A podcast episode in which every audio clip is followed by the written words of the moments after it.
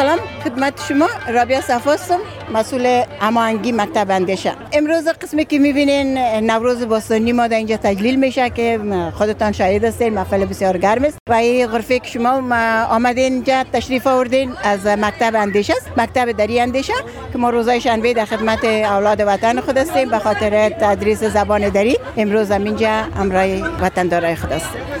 خب شما اینجا سفره هفت سین دارین و همچنین هفت میوه تیار کردین. میشه به صورت کوتاه توضیح بتین که اینا چی هستن؟ هفت سین چیست؟ هفت میوه چیست؟ و رابطش با نوروز چیست؟ اسم که می‌دونین سفره هفت عبارت از هفت سین است که هر کدامش به نوبه خود ماناهای خاص خود داره و از می‌بینین سیب و سرکه و سمنک و چیزای دیگه که تشکیل شده؟ و همچنان میوه ترکده که مربوط فرنگ ما خود افغانستان میشه یعنی در شب نوروز تر میشه و روز نوروز صبح نوروز نوش جان می‌کنن که یک پیام آور نوروز سال نو صحت کامل و صحتمندی تمام فامیل می باشه این افت میوه که با نیرو با انرژی و توانمندی میبخشه خب چه احساسی دارید از که بعد از بیشتر از دو سال امسال افغان ها در در شهر ملبورن بالاخره موفق شدن که نوروز را دوباره جشن بگیرن ما قبلا هم سالهای پیش هم بسیار موفقانه برنامه را دستانتاران برنامه که پیش می‌برن همین برنامه نوروز در شهر ملبورن شامل بودیم شاهدش بودیم که به بسیار صورت خوب و بزرگ می‌گرفتن. پروگرام کرونا و قرنطین نیگه پاک بود چند دو سال نتونستیم. خوشبختانه امسال هم بسیار خوش هستیم. از این صبح که آمدیم هم خدا و شاهد عزیزیم که همگی هم اینجا هستن از هر گروپ از هر قشره که هستن و بسیار خوشحالی و سعادمندی می‌گیرن. و خوشبختانه امروز یک روز بسیار خوب است که هم هوا خوب است. نه زیاد گرم است نه زیاد سرد است. یعنی به جای خوشی است برام. بسیار خوب.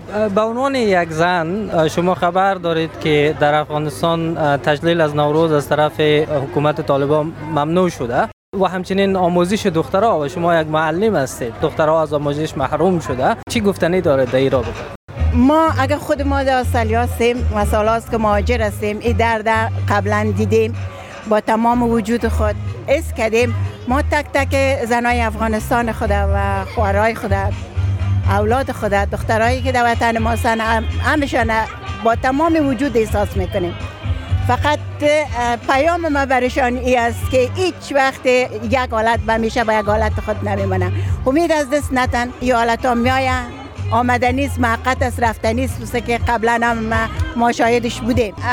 که یک حالت آمده سر افغانستان و یک چی چیزایی بوده چی پروگرام بوده اونا را خودشان بهتر می‌فهمن از ما که کمونج هستن. فقط ما اگر هم اینجا هستیم به یاد از اون هستیم. لحظه از یادشان غافل نیستیم دردشان با تمام وجود خود احساس می‌کنیم.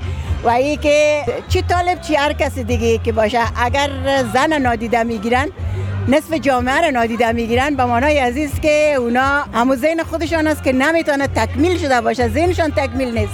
چطور می‌تونن نصف جامعه خود اونا نادیده بگیرن و حق از اونا بگیرن؟ بیا کی بریم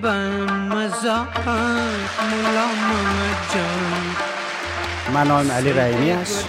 ما اول امی سال نو عید نوروز ما تبریک میگم. توسط از امی ارگنایزر که این پروگرام برنامه ریزی شده. از ما دعوت گرفت که یک تیم نمایش داشته باشیم. ما به همراه از امی دخترایی که عضو تیم ملی افغانستان است. یک جایی یک برنامه نمایش ترتیب دادیم و خوشبختانه که نمایش بسیار خوبی را ما داشتیم امروز در اینجا. بله. در مورد دخترایی که گفتید از تیم ملی تکواندو افغانستان بوده و جدیدا بعد از اتفاقات اخیر به استرالیا آمده. در این مورد بگویید که اینا چطور آمدن و فعلا هم آیا با شما از نزدیک همکاری دارن؟ بله بعد از اینکه افغانستان توسط طالبا گرفته شد و شرایط در افغانستان دیگرگون شد زمینه فعالیت های خواهرات در اونجا بیخی از بین رفت مخصوصا در قسمت تحصیلات و ورزش.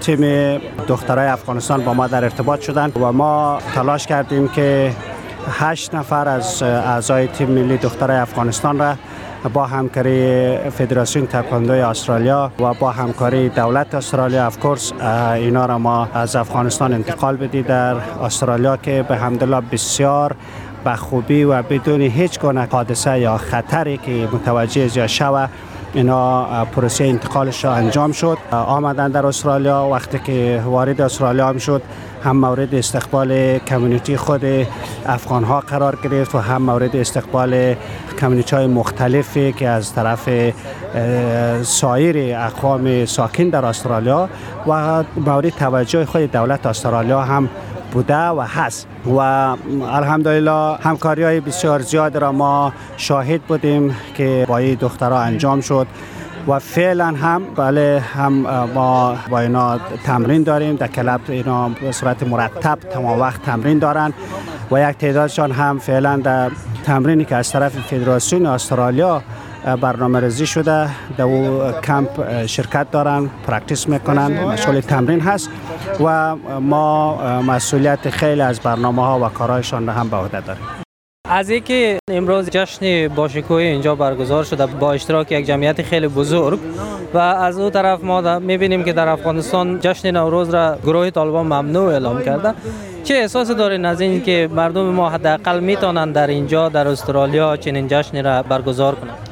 از که مردم ما در یک مملکت مثل استرالیا احساس آزادی و امنیت می‌کنه و جشن خود را با خاطر جمع با این شکو و عظمت برگزار می‌کنه جای بسیار خوشحالی است.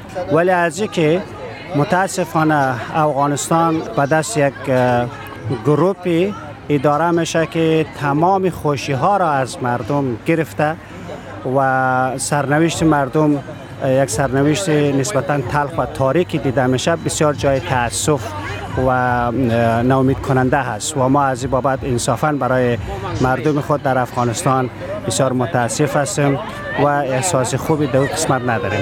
ولی در اینجا ما می‌بینیم که امروز خصوصا شاهد هستیم که جمعیت انبوه از مردم مخصوصا ما می‌بینیم که امروز قشر جوان در این پروگرام زیادتر شرکت کردن.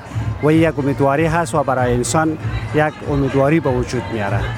به نظرتون چقدر اهمیت داره که مثلا مناسبت های مثل نوروز در بین جامعه مهاجر در استرالیا زنده نگه داشته شود؟ بسیار یک امر مهم است و اگر احیانا مردم بخواهد که زنده بمانه چاره نیست به جز اینکه انعنات و فرهنگ ها و کالچر خود را حفظ کنه.